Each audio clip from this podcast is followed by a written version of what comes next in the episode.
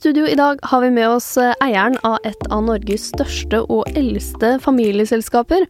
Han har selv uttalt at han ikke bare ble født med sølvskje i munnen, men et helt uh, sølvbestikk. Men han har ikke ligget på arvinglatsiden heller. Under hans eh, ledelse er familieselskapet noe helt annet enn det var da hans tippoldefar startet opp på midten av 1800-tallet. Velkommen til en ny episode av Voksenpoeng med meg, journalist Nora Rydne i E24. Og velkommen i studio, Johan H. Andresen, eier og styreleder i Ferd. Takk skal du ha. Vi kan jo bare begynne med de kjappe voksenpoengene, kan vi ikke det? Det kan vi gjøre. Ja. Johan, hvordan kom du deg inn på boligmarkedet? Ja, jeg var heldig med timingen, for uh, jeg fikk hjelp av min far til å kjøpe en leilighet i 92, og det var som etter uh, det som kanskje noen husker var bankkrisen, som var en ganske dyp krise hvor eiendomsprisene falt 30% Så ja, så det var mitt inntog. Ikke verst. Hva var den første boligen, da? Ja, det var en leilighet uh, på, i Thomas Jeftes gate. Som jeg solgte med en veldig bra gevinst når, skulle, når vi skulle kjøpe hus og stifte familie. Så nei, så der var jeg heldig. Hva er det beste du har gjort for karrieren? Ja, altså som sagt, Mitt utgangspunkt for en karriere var jo at uh, kanskje den var litt sånn forutbestemt hvor jeg skulle ende. Men jeg tror av de måte, valgene jeg tok underveis, uh, som var litt større, var å bo ti år i utlandet. Uh, både studere og arbeide. Og det var i USA, eller? USA og i Nederland. Hva er det beste du har investert penger i? Ja, Det er et godt spørsmål, for det er litt avhengig av hva man hva man ser på som avkastning. Um, og jeg tenkte liksom over det, for det er litt aktuelt nå. Um, så jeg investerte gåseøyne uh, 750 000 kroner i oppstarten av gatelaget til Fredrikstad, uh, som var en kjempesuksess. Uh, og i dag er det 22 klubber. Um, og hvis du regner effekten av de pengene, hvis du sier at du får 23 ganger pengene hvis du klarer å få en som er på kjøret, eh, over i skole, jobb eh, osv., så, så får du da 23 ganger de pengene. Og det er, i hvert fall bare i Fredrikstad 20 stykker da, eh, som har kommet over, de, over, i, uh, over, i, jobb og arbeid. Sånn at det gir en kjempeeffekt. Så, men det er klart at dette er en uh, en, si, det er en gevinst som samfunnet har fått, som ikke jeg har fått, men det er en som jeg er kanskje en av de jeg er mest stolt av. Mm. Var det gjennom ferd, eller? Eh, ja, jeg gjør nesten alt gjennom ferd. Hva er det verste du har investert penger i, da? Ja, Det er nesten enklere å forklare på, eller svare på. Det var en eh, Jeg investerte i en, et konsept som da bygget en gjødselfabrikk som eh, til 100 millioner kroner, eh, som skulle omdanne organisk avfall til organisk gjødsel. Uh, og det funka ikke. Um, så det var 100 millioner rett i grøfta, bokstavelig talt. Mm. Deilig. Deilig. Kunne blitt bra, da. Ja, det var en av mine første investeringer. Altså, en av de som jeg sto for selv uh, da jeg kom i firmaet. Så den, uh, den, var på en måte umulig å gjemme. Det var like greit å være åpen på at det gikk til helvete. Lærte noe av det, da. Absolutt. Men eh, vi skal jo litt tilbake til Du sier jo her at eh, karrieren din var litt forutbestemt. Men eh, hvordan var det da du var barn og ungdom og gikk på videregående? Var det sånn at du hele tiden visste at det var familieselskapet du skulle inn i? Ja, det var i hvert fall det som var intensjonen. Um, både fra meg og også naturligvis mine foreldre, men kanskje aller fremst fra de ansatte, som måtte så på det at jeg på en måte fulgte en uh, strak linje mot uh, å fortsette eierskapet og lederskapet som en trygghet for deres egne arbeidsplasser. Uh, så Sånn sett så gikk vel jeg litt sånn med strømmen, kan du si, i begynnelsen. barneskolen på Bygdø, ungdomsskole på Russeløkka, så på Handelsgym, befalsskolen for infanteriet. ja, det var, liksom, det var i hvert fall så langt jeg hadde planlagt. Etter det så da gikk det litt mer hopp og sprett. Um, men um, En stund, i hvert fall. Men det var liksom Det var liksom veldig planlagt, da. Ja. Men hvordan Var det bare sånn noe som var i bevisstheten hele tiden, eller var det sånn du snakket med familien om, eller? Ja, du får det på en måte bokstavelig talt inn om nesten med morsmelken, for du, liksom, firmaet er en del av de vanlige samtalene. Det er masser av uh, gjester hjemme. Um, kunder, leverandører osv. Um, og naturligvis mange opptredener på fabrikken, på kontoret. Møte med ansatte, tillitsvalgte, uh, fra man var veldig liten. Um, så det blir på en måte Det er liksom det omgangskretsen da, uh, som vi hadde. Det var mye det som hadde med firmaet å gjøre. Uh, vi bodde litt isolert på Bygdøy, så jeg hadde ikke så mange venner eller andre annet enn det som min mor og far på en måte introduserte meg for, for å si sånn. Og da ble på en måte introduksjonen til firmaet veldig tidlig og veldig grundig, kan man si. Ja, nettopp. Men når, kan du huske når du liksom begynte å bli interessert, sånn fra at det var sånn ja ja, her er det noen middagsgjester som er i firmaet, til at du tenkte nå skal jeg begynne å skjønne hva det her går ut på, fordi jeg skal ja, kanskje? Det er et godt spørsmål. Nå blir man interessert. Jeg tror det kommer litt sånn sigende. Eh, jeg var alltid veldig glad i å lese, eh, jeg var glad i historie. Um, så jeg hadde liksom ikke mot å lese om ja, Kanskje ikke så mye om firmaets historie, men om bl.a. historiene til til farfar, og det som var skrevet ned av dagbøker og sånne ting. Um, så ja, jeg var vel litt nysgjerrig i utgangspunktet, men det var jo ikke alt. Altså Det var jo en del som jeg kanskje så på som en sånn slags uh, pliktløp til å begynne med. Mm. For jeg visste jo ikke hva mitt bidrag ville være her. Jo, man kommer jo litt sånn Ja, jeg får gjøre et, gjøre, gi et forsøk, da. Ja. men uh, Så det må man jo oppdage underveis. Uh, hva, hva er det hva er det akkurat jeg i min generasjon skal gjøre av forskjell? Det, jeg, det kommer nok senere. Ja, for du, det var aldri sånn at du følte noe press? At du tenkte nei, jeg vil uh, gjøre noe helt annet, jeg vil bli kunstner? Eller? Ja, ja, nei, altså presset ligger ikke der som et sånt veldig sånn, som et sånn tyngende press. Men det ligger som en sånn klar forventning som det tar nok Det skal nok litt til før I hvert fall for meg, som var en ganske sånn jeg forsøkte å være ganske ansvarlig på alle måter, eh, og på en måte gjøre opposisjon mot det, mot den forventningen, da. Um, så, og det har jeg vel egentlig aldri gjort, annet enn at jeg har og jeg hadde ett år som modell, da. Det var kanskje litt utafor, men eh, Hæ? Hadde du det? Ja, Jeg klarte ikke å finne researchen din, eller? Nei! Dette er altfor dårlig. Før internett, vet du. Det er så deilig. Nei! Ok, da, jeg skal ta noe dyp uh, ja, nå er det for seint. var det i lokalavisa da, eller? Lokal, ja, altså, det kan du jo si. Det var jo den, den som het Det Nye, det var jo i Dagbladet, eller hva heter det, i ukeblader og moteblader og ja, for åpenbart har jeg da ikke lett langt nok i retriever, men dette skal gå an å finne. ja, nei, men det er, ikke, det er, ikke, akkurat noe av det jeg er mest stolt av, og det var jeg tror ikke det ingen andre som var den særlig stolte av det heller på den ja. tiden. Men det var jo på akkurat det, på det tidspunktet hvor jeg ikke helt hadde bestemt meg hva jeg skulle gjøre. Ja. Og jeg hadde ikke fått ut fingeren til å søke på college i USA, så det ble sånn ja, Nå kaller de vel et gap year eller noe, ikke sant. Det er ja, ja. sånn, Når man har funnet et ord for det. Eh, den, det var ikke noe sånn ord den gang, det var mer sånn ja, at man rota bort et år, var det som ble kalt da. Um, så, men i hvert fall. Det, men det var bare et kort år, da. Var det gøy, da? Altså, det blir jo en liten sånn uh, merkelig egotripp, hvor plutselig så fokuserer folk på noe annet enn det du er. Men de fokuserer liksom på hvem hvordan du oppfører deg, hvordan du ser ut, øh, hvordan du på en måte kan opptre. Det er jo en slags, slags blanding av miming og teatereffekter, holdt jeg på å si, det å være modell.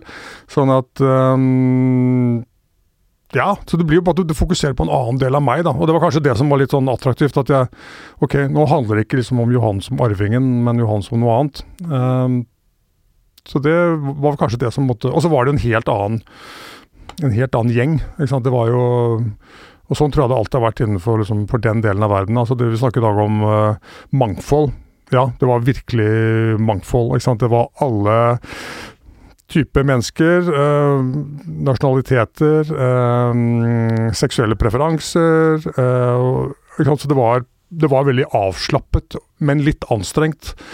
For de som hadde ville gjøre en karriere, det ville jo ikke jeg. Jeg var jo der bare for the fun, ja, egentlig. Så det, for, for meg var det bare liksom en et morsomt år. Ja, det var hyggelig at du fikk et lite friår før det ble beinseriøst. ja, det var da måtte jeg tilbake til skolebenken, og da, og da ja, da var liksom da var det slutt på leken på, på college igjen. Men hva, hvordan valgte du uh, utdannelsen, da? Uh, ja, den ble valgt litt av mine egne preferanser, fordi jeg oppdaget jo tidlig at jeg ikke Jeg var ikke så skarp i liksom, realfag, for å si det forsiktig, så jeg måtte legge ned veldig, veldig mange timer for å få, uh, for, for, å få ok karakterer, hvis i det hele tatt. Sånn at jeg valgte et studie som i USA, og det, det, det fins vel nesten ikke i Norge engang, men det heter Liberal Arts, som er et veldig sånn bredt studie som snevrer seg inn da i år tre og fire. Men hvor du kan velge veldig mange forskjellige typer fag um, som appellerte til meg. Hvor jeg også kunne velge liksom alt fra psykologi, historie um, Ja, jeg kunne både skrive mye mer enn det jeg hadde gjort før. Og kunne lære public speaking. og altså en, masse type muligheter som jeg visste jeg ville bli avskåret fra i Norge, som har et veldig I hvert fall da hadde et veldig sånn snevert Du måtte velge fagfelt uh, veldig tidlig. Mm. Um, og det passet meg, min nysgjerrighet. Um, og jeg skulle jo ikke bli noe spesialist heller, trodde jeg. Um, så bare jeg fikk med meg liksom en grei dose med økonomi og litt sånt uh, underveis, så tenkte jeg at ja, ja, det, dette er noe for meg. Og det var gøy? Ja, jeg hadde det veldig slitsomt uh, første året, for da hadde jeg ikke hatt uh, matte på fem år. Men etter det så gikk det greit. Så jeg begynte som uh, Jeg var i bånn, altså bokstavelig talt i de laveste 5% da jeg kom inn. og jeg avsluttet, avsluttet, blant de øverste tredjedelen, i hvert fall. Så så, ja, så jeg ble satt i klasse med som The Inner City Kids. da. Det, de fargede og de andre som ikke hadde hatt eh, god nok råd til å få seg en god utdannelse, men som allikevel hadde stort potensial, ehm, og som da kom inn eh, likevel. Så nei da, altså det var da måtte, da måtte, man virkelig kjempe seg frem. Det var ingen som brydde seg om hvem jeg var i Norge der, for å si det sånn. Ja, det var kanskje litt deilig også? Veldig. Ja, og det var jo kanskje noe av grunnen til at jeg spurte hvorfor var det verdifullt å være i utlandet. Jo, det var jo fordi jeg var jeg var fri eh, fra Jeg måtte, måtte fikse det sjæl, stort sett. Hvor var det her? Eh? Dette var på Dartmouth College i New Hampshire til å begynne med, og så jobbet jeg i Memphis, Tennessee. Home of the King. Home of the um, king. og så var jeg i Rotterdam på Rotterdam Business School, uh, School of Management uh, etterpå. Ja, for der tok du en MBA. Ja. Og det Men gikk du rett fra Dartmouth til um... Nei, jeg jobbet i Memphis uh, på en, eh, en, eh, en bedrift som leverte hva heter det, packaging, altså forpakninger. Eh, vi laget multipax, altså når du på en måte Det derre wraparounden som er rundt liksom en ølboks, sånn sixpack-type greie, og andre type sånne ting. Det laget vi. Um, og andre type innovative ja, forpakningstyper. Så um, der var jeg sånn markedsfører. Produkt... ja, ikke utvikler, men jeg var med på ja, å lage kampanjer og sånn. Så mm, jeg hadde til og med mitt første salg, eget salg, i Phoenix, Arizona, som jeg er veldig stolt av. Så, men, eh, men, det var jo ikke heller ment å være noen lang greie, for jeg hadde jo tenkt å komme meg tilbake til Europa. Ja, for dette var liksom uh, bare for gøy, eller altså, hvordan fikk du den jobben? Eh, ja, jeg hadde jo store problemer med å faktisk få meg jobb i USA, for alle mistenkte jo at jeg ville tilbake når de gjorde litt research på meg. Ja. Eh, så jeg var liksom ikke noe å satse på. Så der fikk jeg litt hjelp igjen av min far, fordi en annen divisjon i denne, denne bedriften jeg jobbet, de var en leverandør til en av våre bedrifter, okay. Elopak. Sånn at eh, Ja, for dere eide Elopak allerede da? Ja, eide Elopak helt fra 57, da min far startet det. Så, nei, så der fikk jeg jo enda en gang god hjelp av min fars kontakter, da. Så, så det var verdifullt. Jeg hadde kjempemoro i Memphis. Eh, jeg fikk masse venner og ja. Og så ble det da Hvor lenge var du der? Der var jeg i to og et halvt år fra 89 til 91, uh, eh, hvor jeg begynte i, på RSM, Erasmus, i Rotterdam. Uh, og jeg visste jeg skulle ta en Jeg tenkte jeg måtte ha en MBA, for, og det var litt sånn pliktløp. Altså Det var ikke egentlig noe jeg hadde veldig lyst til, men jeg tenkte at det var noe jeg måtte ha i baklomma som en sånn litt kred. Mm. At uh, For å komme tilbake og begynne å mene noe, som tenkte at ja, det var liksom uh, minimum. Um, og jeg hadde det veldig morsomt og lærte masse der også. Um, men det var kanskje ikke der jeg utviklet meg mest, så det var å Det var mest å på en måte ha litt, litt basiskunnskap, da, for, Ja. å, for å gå inn i uh, lederskapet senere. Men du greide å tvinge deg gjennom det, selv om det ikke var drømmen å ta en MBA? Ja, ja, altså Da hadde jeg jo bestemt meg eh, for å på en måte For det var jo en sånn vippepunkt, egentlig. Altså, hvis, jeg ikke, hvis jeg ikke hadde villet gå inn i bedriften, så hadde jeg ikke, da hadde jeg ikke behøvd å ta en MBA. Da kunne jeg gjort noe annet. Så da hadde jeg jo tatt en i hvert fall en tentativ eh, beslutning om at eh, ja, jeg skal i hvert fall prøve Mm. å jobbe sammen med min far, og etter hvert overta. Um, så ja, nei, når man har satt seg sånne mål, så klarer man to år eh, Og det var jo altså, sånn at vi eh, ja, De har jo godt øl i Nederland også, så det er liksom det er ikke noe Det, det funker helt fint. Ja, likte du Nederland? Ja, Øh, nå det, var dette en, et, et, en klasse, en skole som hadde 80% internasjonale studenter. Slik at jeg var jo nesten bare sammen med, med dem. Um, så jeg har veldig mange gode venner derfra. Jeg ble gudfar til et barn som ble født der. Og mm, ja, så det å ta med seg sånne ting, det, det er viktig. Hyggelig. Men det var da Det var ikke det, Du kom fram til dette selv, at da hadde du kommet fram til du ville inn i familieselskapet. Det var ikke noe eh, direktiv hjemmefra at eh, hvis du skal inn her, så må du ha en MBA-sønn. Nei, nei da. Nei, det, var, det var jo mer mm, Det var det man gjorde. Ja, du hadde blitt gammel nok til å liksom Ja, men det var sånn alle Altså Det var sånn at eh, jeg, jeg, jeg var ikke noe mer kreativ for å utdanne meg til å bli eh, en god leder enn å gjøre det som på en måte var standardgreia. Ja. Um, I dag kunne man nok like godt Nå hadde ikke jeg hatt noe godt av å ta ingeniørutdannelse, for det hadde jeg, jeg tror jeg hadde tatt livet av meg. Men altså, man kunne nok godt hatt en annen utdannelse og blitt en like god leder, tror jeg. Ja. Um, Det er jo mange som er, begynner som ingeniører eller siviløkonomer, stort sett, da, kanskje. Ja. Nei, vi ansatte en uh, kjempeflink uh, jente, kvinne, som ny leder av Ferd Eiendom nå. Hun er ingeniør. Eiendom har litt mer med ingeniørfag å gjøre, men det må jo ikke ha det. Men i hvert fall vi ser på en god blanding av på en måte folk som er eh, ja, økonomisk og si, ingeniørutdannet. Er ganske bra å ha. Og så ble du da ferdig. Og hva skjedde da? Da, var Da dro jeg eh, Ja, jeg tok ett eh, Jeg gjorde også noe som annet var smart, og det tror jeg faktisk er viktig. For etter, rett etter MBA-en så dro jeg på backpackingtur til eh, Asia eh, i fire måneder med en veldig god venn av meg. Um, og vi reiste rundt stort sett bare med en backpack. Um, så det var en kjempeopplevelse som jeg måtte Den karamellen har jeg sugd på lenge. Så det er egentlig noe jeg vil anbefale. For hvis det ligger der som en sånn der åh, en av de tingene du ikke gjorde Mm. uh, Og jeg vil ikke se på det som en sånn der gap-greie, i den grad at du liksom At det er bare en sånn egotripp som- hvor man på en måte gjør noe morsomt. Det er eh, Ja.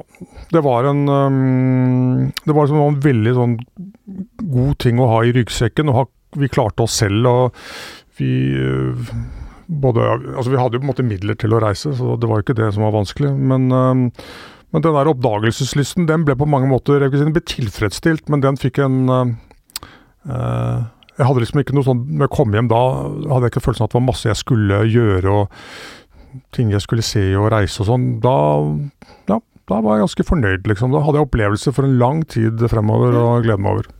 Ja, så du er en tilhenger, egentlig, av eh, litt friår, og du er ikke en sånn som er redd for hull i CV-en? Nei, men det må være altså, Jeg vil ikke si at det er hull i CV-en. For hvis, hvis jeg får noen inn som, hvor jeg på en måte ser at det er et såkalt hull, så spør jeg liksom hva, hva gjorde du da, og, sånn, og hvorfor gjorde du det, og sånn. Og, og hvis de da på en måte har jeg mener er, kan være veldig gode begrunnelser, men som de selv kanskje er litt redd for å fremføre av en eller annen grunn, for det passer ikke liksom A4-normen, så syns jeg det viser noe av deres personlighet. Det viser noe av kanskje at de tenker annerledes, eh, at de har et potensial som andre ikke har sett. eh, Som, ikke? Det, det er interessant. Det er spennende. Da er det noe, noe mer å jobbe med enn det som på en måte er enn det du på en måte kan få ved vanlig liksom, uh, si, uh, si jobb på jobben-trening eller utvikling. Så jeg vil ikke se på det som negativt. Uh, det er klart, Da Har du sittet i fengsel, så er det um, Da må du på en måte forklare hva Ok, hva, er, hva lærte du av det, da? Liksom sånn um, så, jeg, jeg, så, lenge man ikke er Så lenge man på en måte Man må på en måte stå for det på en eller annen måte, ja. tror jeg. eller Eh, for ellers så kommer man ikke videre heller, og man blir på en måte ikke trodd på at man har tatt med seg noe. Hvis det, hvis det er ingenting positivt uh, å ta med seg, eller ingen lærdommer fra et hull i CV-en, da, da, er det jo virkelig et dypt hull. Altså, jeg hadde jo hatt sommerjobber, da. Ja, du hadde det, ja. ja. Ja, ja. Fra jeg var 16.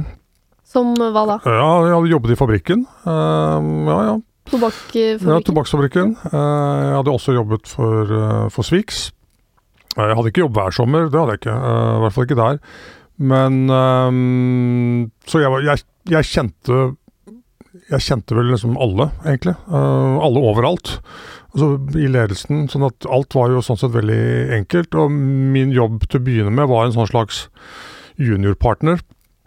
Som jeg skulle jobbe ved siden av min far. Og jeg fikk da måtte, muligheten til å gjøre noen av disse litt Eh, esoteriske, eh, eksotiske investeringene, som da bl.a. endte opp i denne gjødselkatastrofen. Eh, så det holdt jeg da på med i fire år.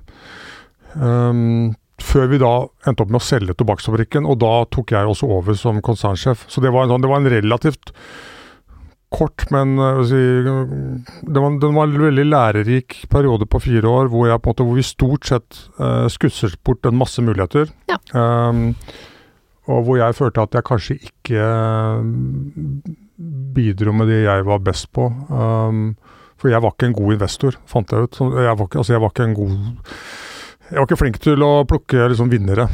Um, Nei, for Sitter du og investerer privat i aksjer nå, eller er, er ikke det interessert i det? Ikke i det hele tatt. Jeg har ingen investeringer utenom ferd.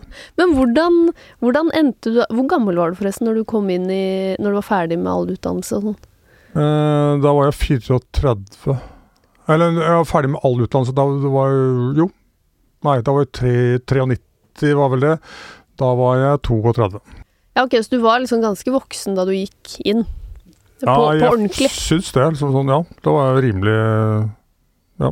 Men hvordan endte du da i liksom investeringsdelen som første ordentlige jobb? Um, jo, fordi Uh, de hadde så vidt begynt med å bygge opp en sånn liten gruppe rundt far, da, som på en måte skulle forvalte og reinvestere en del av overskuddet fra, uh, fra tobakken. Uh, så det var, liksom, det var, der det var interessante nye ting å gjøre. og det var der de mente at jeg kunne bidra, bedre enn noe annet sted. Og det var jo det som var nærmest kanskje det jeg ville på en måte, som var neste steg også. Så det var liksom en sånn, lå en progresjon der. Eller mulighet, i hvert fall. Mm. Uh, og jeg hadde vist en viss interesse for det før. Um, men jeg hadde jo aldri vist at jeg, liksom, at jeg var god til det. Um, så, så det, det, og det kan man nesten bare finne ut ved å prøve og feile, dessverre. Um. Ja. så de fire årene, var, likte du jobben selv om du fant ut at det ikke var eh, helt uh, ditt talent? Ja, det gjorde jeg for så vidt. Um, for det var jo alltid noe nytt og noe Men jeg følte vel at vi på et eller annet tidspunkt at uh, at vi ikke egentlig fikk de mulighetene. Altså vi hadde en dårlig deal-flow, egentlig. Uh, um, og vi tiltrakk oss heller ikke de menneskene som, uh, med noen få veldig gledelige unntak, som vi hadde trengt på den tiden.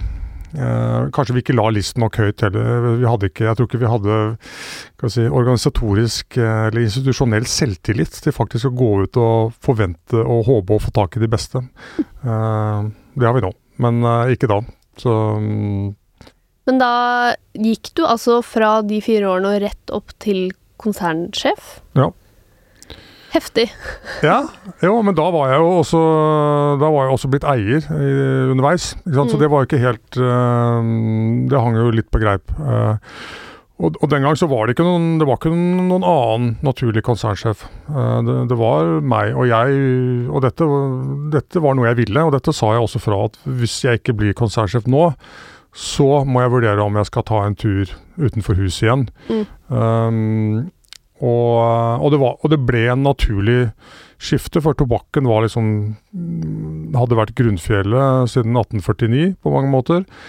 Um, og når den på en måte ikke Når vi ikke lenger var hovedeier der, så, ja, så, så også min far på, på, dette som et naturlig skifte. Um, så, altså det gikk veldig greit, og det er jo gikk sånn overraskende greit sånn sett utenfra, tror jeg. For folk uh, tror ofte at sånne generasjonsskifter som kommer, ser ut som de kommer plutselig, uh, er, uh, er ofte litt mer planlagt. Um, Nettopp. Men Følte du deg klar, eller var det skummelt? Uh, ja, jeg følte meg klar i den grad at jeg følte meg veldig altså Jeg følte meg Jeg brant inne med mange ting. Altså, jeg ønsket å gjøre ting. Jeg ønsket å ansette folk. Jeg ønsket å være noe annet, eller, og at firmaet skulle være noe annet enn det det ble sett på som. Um, så ja, så jeg ønsket å sette i gang, uten at jeg visste nødvendig uh, alt hva og hvordan og sånn, men uh, jeg var ivrig etter å, liksom, å, begynne å bestemme. Ja, ok. Ja, så jeg lurer på sånn hvor, Når og hvordan plukket du opp liksom, hva du ikke var god til, og hva du var god til, og fikk den selvtilliten til å tenke at sånn Nå vet jeg hva vi skal. Hva jeg kan gjøre.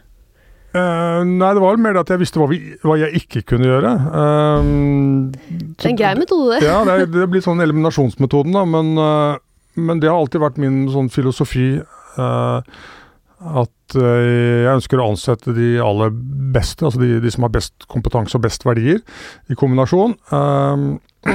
og fortrinnsvis folk som er bedre enn meg selv. Ja, Det er kanskje ikke så vanskelig, tenker du da, men ok.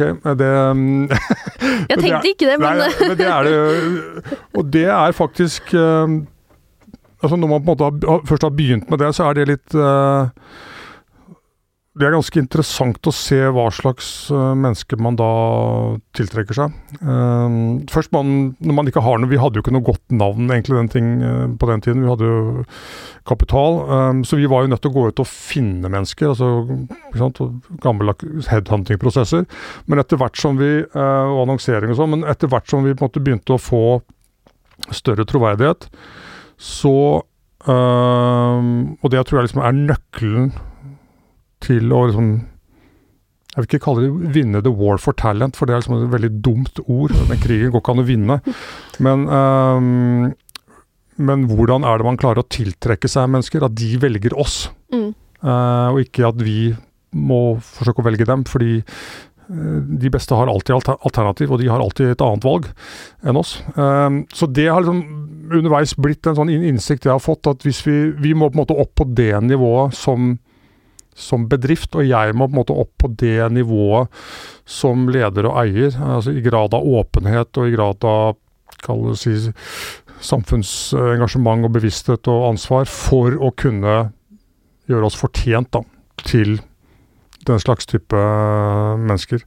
Så, altså det, det, er liksom, og det er det å holde seg liksom på det, å ha, ikke slippe den ambisjonen det har vært viktig. Det, når, jeg husker ikke akkurat når jeg fikk den selvinnsikten, men det var vel når, når, vi plutselig, eller jeg plutselig begynte å tiltrekke meg noen mennesker som jeg ikke hadde forventet at ville være interessert, og som ga både meg og bedriften en tillit som vi uh, ja, som vi har gjort oss fortjent til i etterkant, da. men de hadde på en måte troen på oss. Så det var veldig Når de teamene begynte å komme sammen, um, så lever jo, så forsterker de hverandre etter hvert, og de rekrutterer jo på en måte Tiltrekker seg folk til seg selv. Um, så det er jo Og sånn sett blir jo min rolle liksom, Den blir jo en litt annen enn en sånn konsernsjef. Så liksom Nå skal vi kjøpe det selskapet, og vi skal liksom starte opp der. Men det er mer å, å, ja, å ansette folk som, som, kommer med de initiativene selv. Ja. Um, for jeg har som sagt ikke alltid teft på hva som er sånn det neste, neste bra å holde på med. I hvert fall for oss. Men var det en hard liksom, eh, ting å innse, eller er du ok med det? Er du liksom Ja, nei, jeg var egentlig ok med det. For som jeg sa innledningsvis, jeg var ikke noe kløpper til å regne eller uh, gjøre analyser eller noe. Sånn at uh, Eller jeg kunne gjøre analyser, men mer, da ble det mer på liksom det Skal vi si Ikke nødvendigvis på tallforståelse, men mer på scenarioer. mm. Sånn at nei. øhm, og det var på en måte For meg var det umulig å gjemme ting jeg var dårlig på, så det var like greit å innrømme det først som sist. Og da, når du først måtte ha kommet over den terskelen, så er, liksom, da, det er mye enklere. Ja. Sant? Og da slapper folk av rundt deg også. Liksom. Ja, vi vet at Johan ikke kan det, så da får vi sette på litt ekstra krefter her. Ja, men det skal jo litt sånn eh, mm, Det er ikke alle som har den evnen. Man må jo ha en spesiell personlighet for å greie å innrømme hva man ikke mestrer. Kanskje spesielt når man har gått liksom opp til en så høy sjefsrolle så tidlig, da. Du var vel da bare 37-38 da du fikk den sjefsrollen?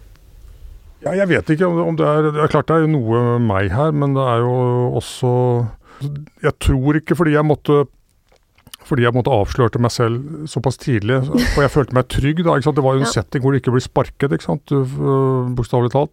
Sånn at øhm, du får jo en sjanse til. Eh, Og klart at Hvis man er i en utsatt øh, jobbposisjon og man ikke føler seg trygg på den, og uh, ja, så er det ikke sikkert at man tør være like åpen om sine svakheter. Nei, det. Men du har det har funka for deg? Funka for meg. Ja. så, men jeg tror, det, jeg, jeg tror også det er en måte å Altså rent sånn For personlig utvikling så tror jeg det er viktig. Altså, det er på en måte slitsomt å gå rundt og late som. Altså i livet ellers òg.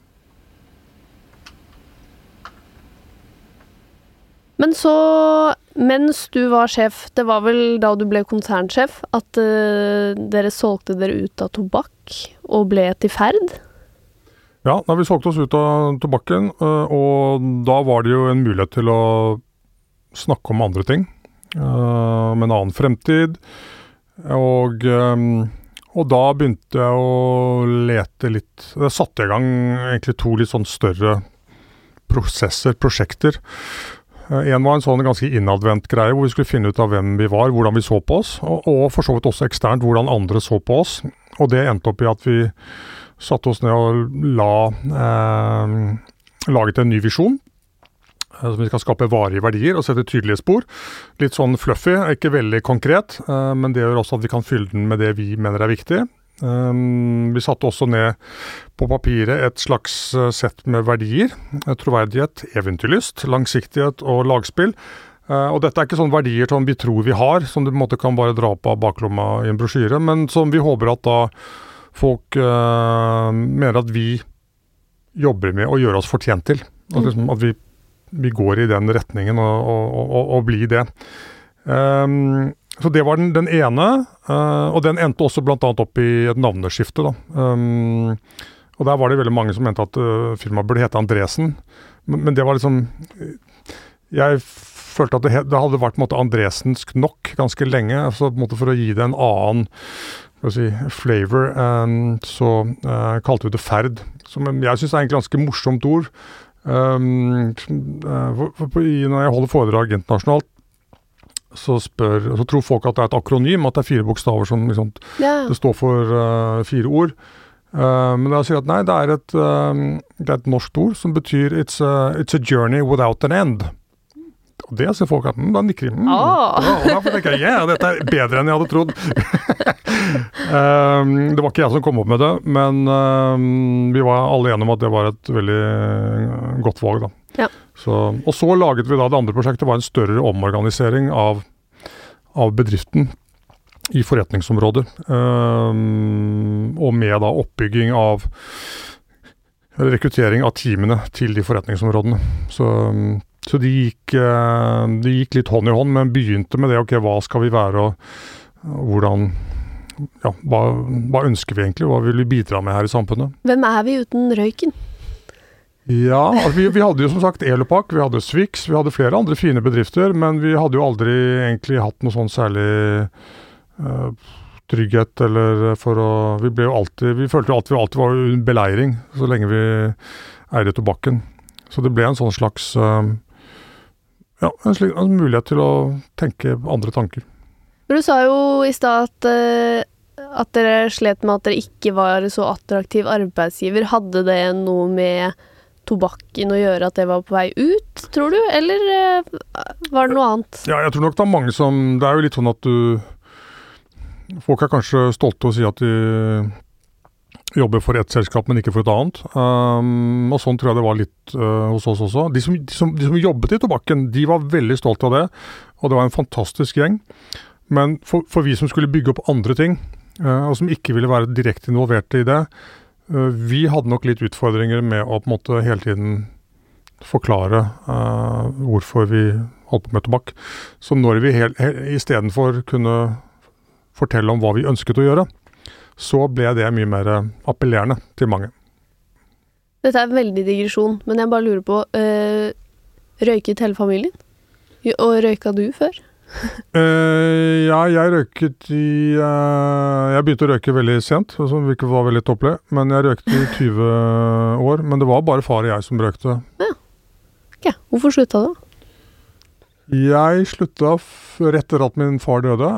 Um, for jeg så jo at det hadde ikke vært noe bra for han. Uh, og selv han, så godt som han enda likte røyken, så mente han nok at det hadde vært uklokt å røyke så mye som han gjorde.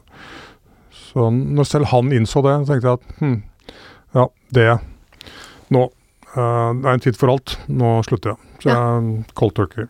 Men det var etter at dere hadde solgt dere ut av tobakk? Ja da. Det var, det var ja, fire år etter. Så det var ikke sånn at du måtte... Men det, ikke, det, var mer, det var mye mer. Det var jo, jeg sluttet jo å røyke i 2012. Så dette er jo Ja, det er såpass. Ja, det var lang, lang tid etter. Dette er jo 14 år etterpå. Yes. Ja, ja, ja. ja, det er vanskelig å slutte. Ja, ja, ja, det er jo helt merkelig. Men jeg begynte å røyke da jeg begynte på business school, for da var det stressende liksom, å begynne på, ja. uh, i, på skole igjen. Så, men det var ingen god unnskyldning, for å si det sånn. Men uh, men du måtte ikke, så det var ikke sånn at du måtte røyke for å promotere brandet? Nei, det var ikke påkrevet. ok. Men eh, vi har jo en spalte her. Du har jo nevnt én tabbe, men kanskje du har noen flere? De fleste har jo det. Eh, vi har tabbespalta. Ja. Hva er den største tabben du har gjort i karrieren?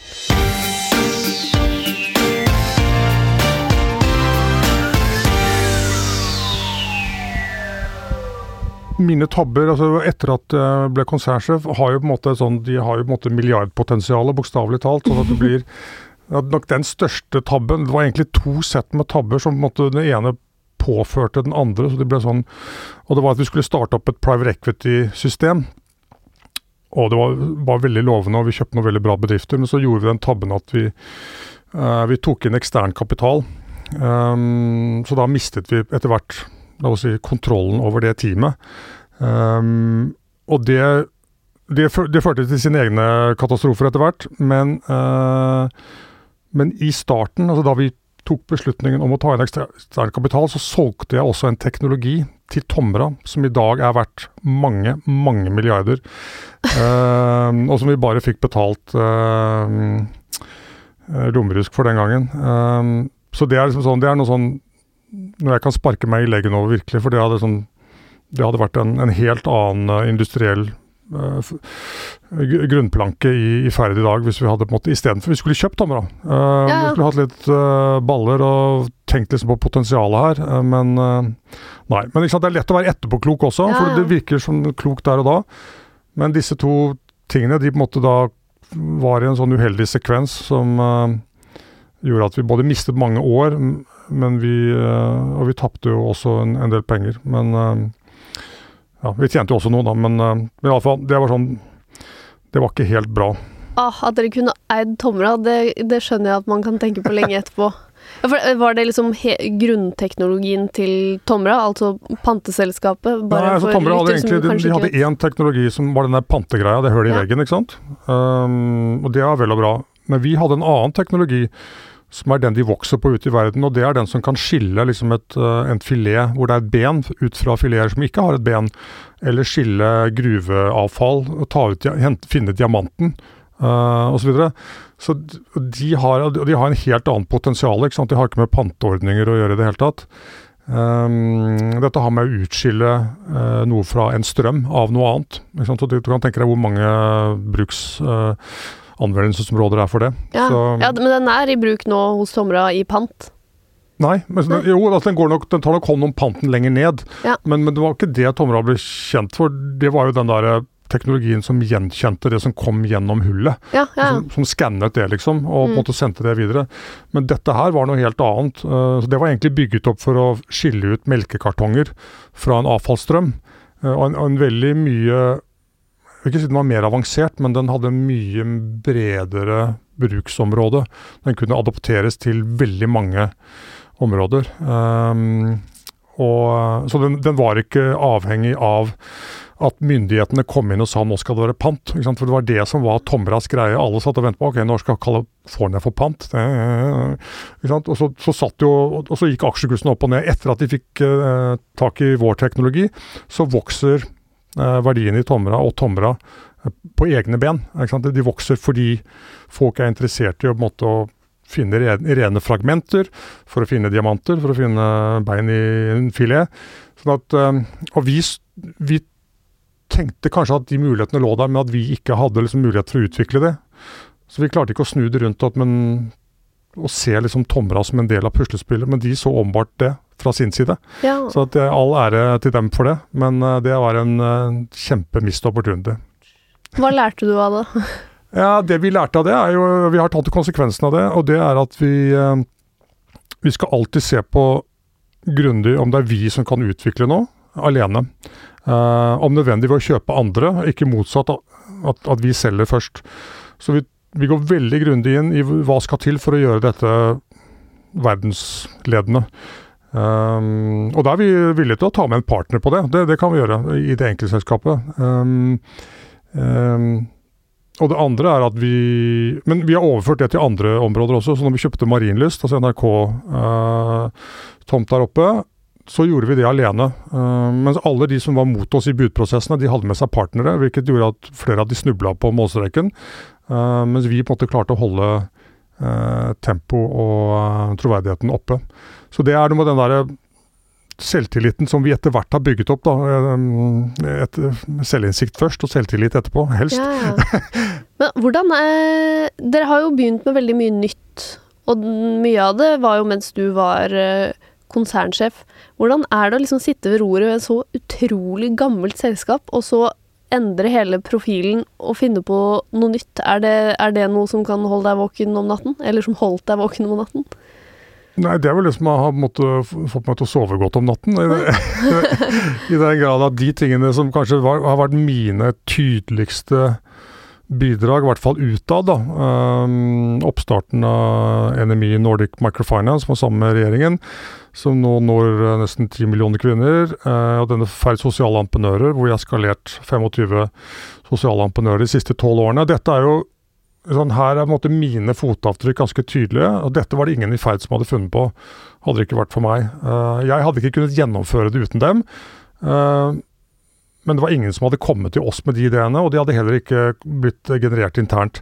Så, så dette er jo ting som jeg er litt sånn stolt stolte av, men som også har gjort at vi har turt å gjøre andre ting senere. Mm. På vanlige, helt vanlige kommersielle områder.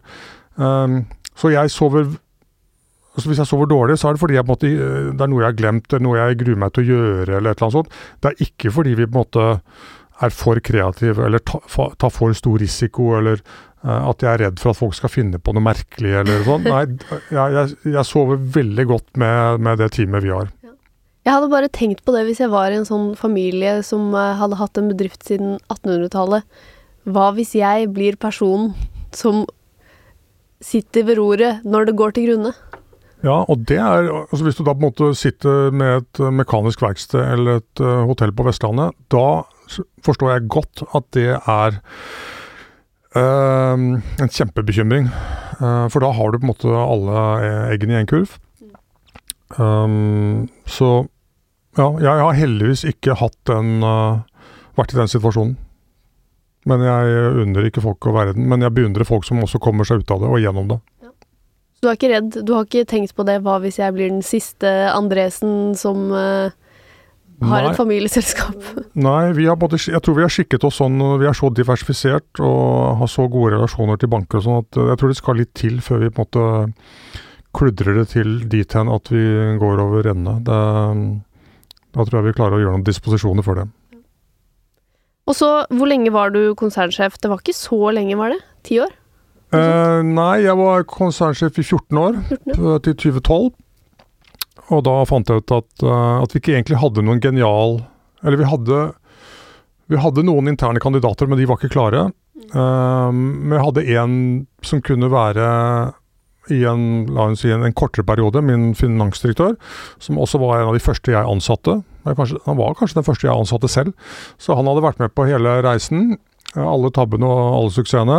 Um, så han ble konsernsjef i fire år, og de fire årene brukte vi da på å um, utvikle organisasjonen og, og bl.a. finne han som i dag er konsernsjef, Morten Borge, som da ble konsernsjef når han ble 35.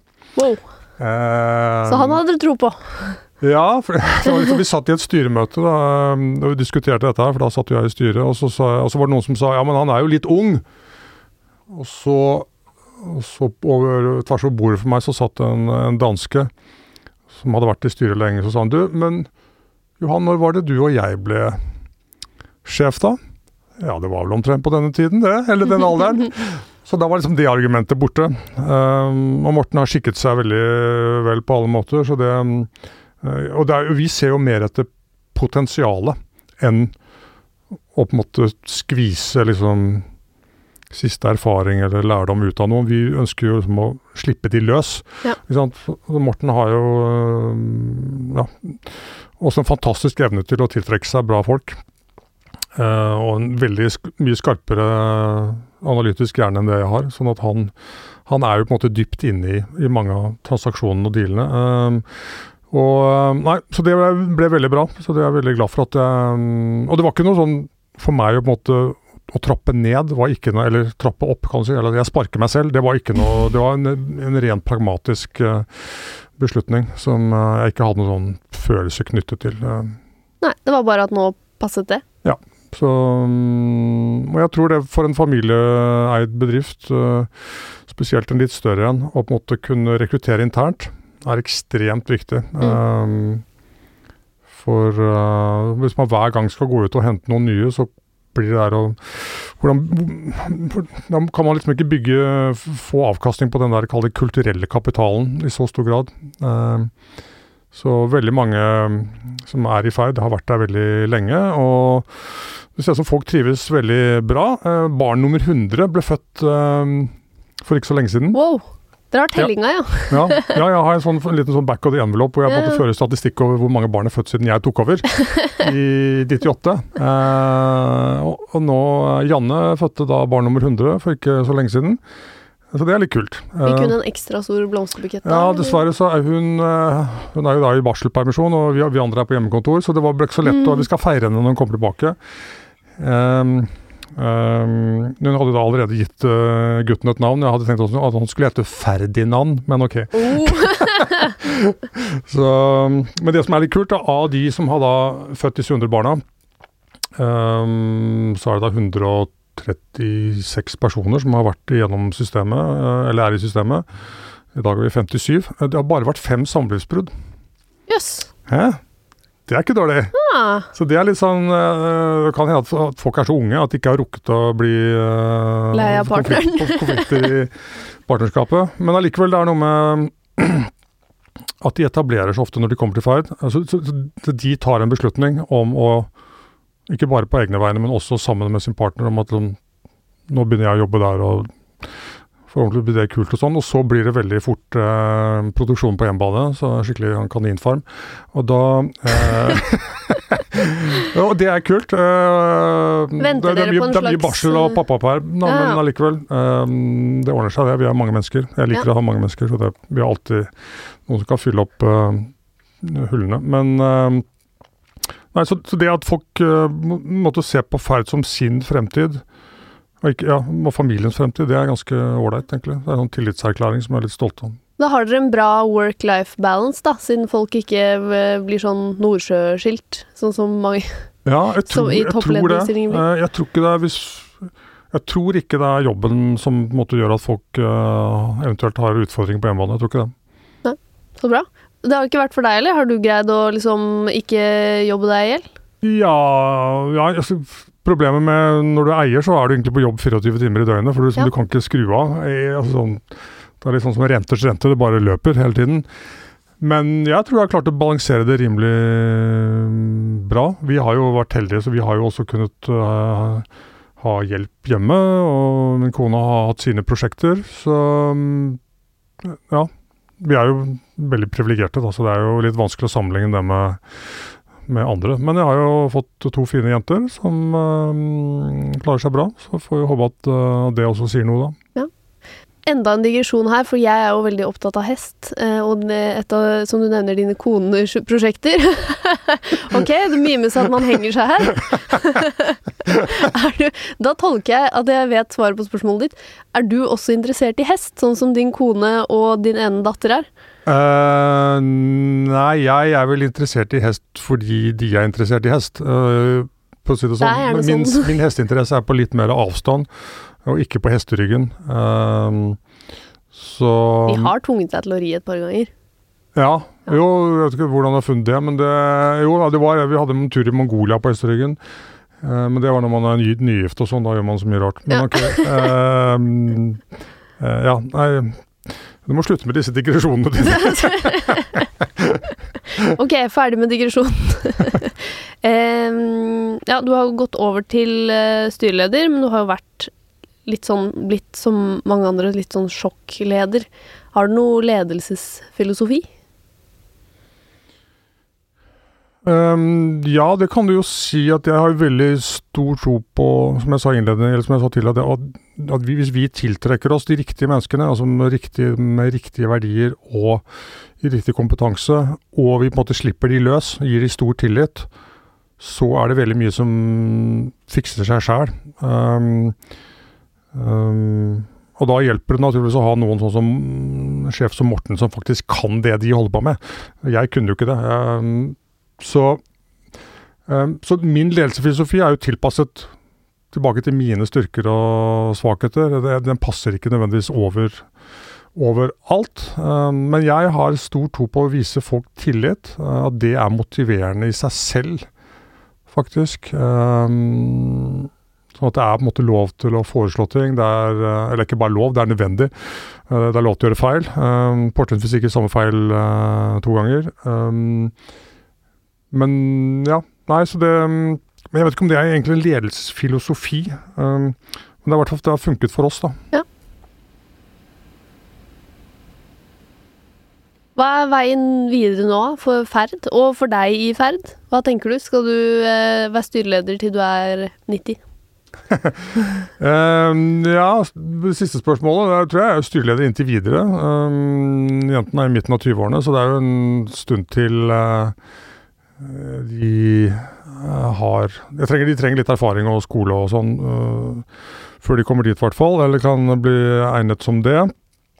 Uh, og jeg er ikke sikker på at det nødvendigvis må være Jeg hadde jo også en ekstern styreleder, to faktisk, to damer, før jeg selv gikk på som styreleder. Så det er ikke sikkert at det er riktig å være styreleder heller, så lenge man er en, uh, en eier, en bidragsytende eier på en eller annen måte.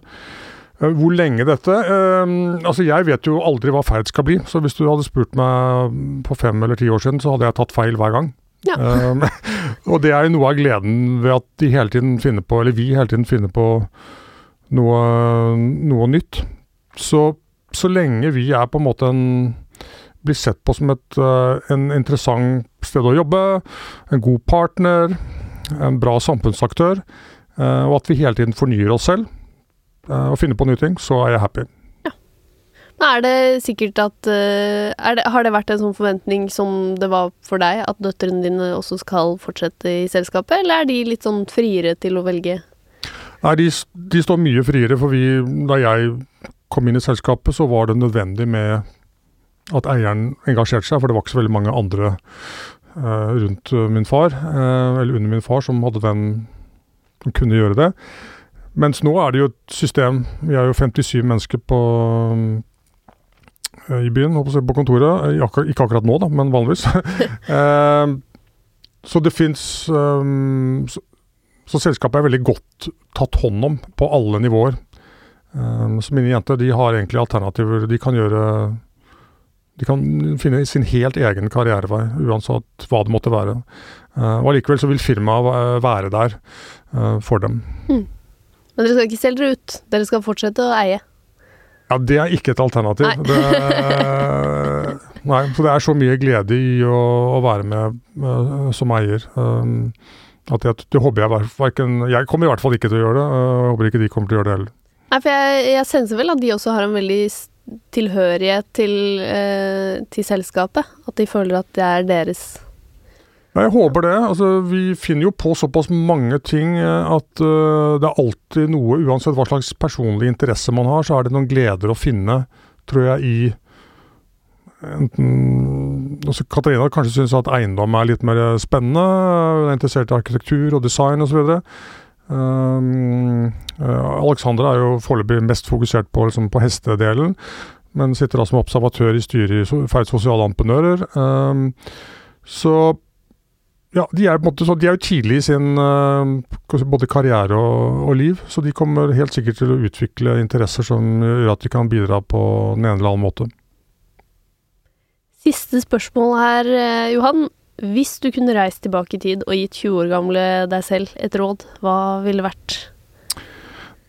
Det tror jeg ville vært uh, altså, Johan, nå må du, må du, ikke være så redd for å spørre om råd. Uh, om, uh, om, hjelp, om guidance, om, om, andres erfaringer eller andres selvinnsikt. Du må ikke nødvendigvis gjennom alt selv. Uh, erfaringer er jo ofte noe man får rett etter at man trengte det. Og selvinnsikt er jo ofte noe man får liksom veldig tar jo ganske lang tid. Så ja, spør om råd, spør om hjelp. Jeg tror folk er villige til å bidra mye mer enn man tror. Veldig fint. Tusen takk for at du kom hit til mm. Voksenpoeng, Johan H. Andresen i Ferd. Takk skal du ha. Produsent i dag, det var Sunniva Glessing. Og hvis du vil lese skoledagboka til Johan Andresen f.eks., så må du gå og følge oss på Instagram. Der heter vi Voksenpoeng med Nora.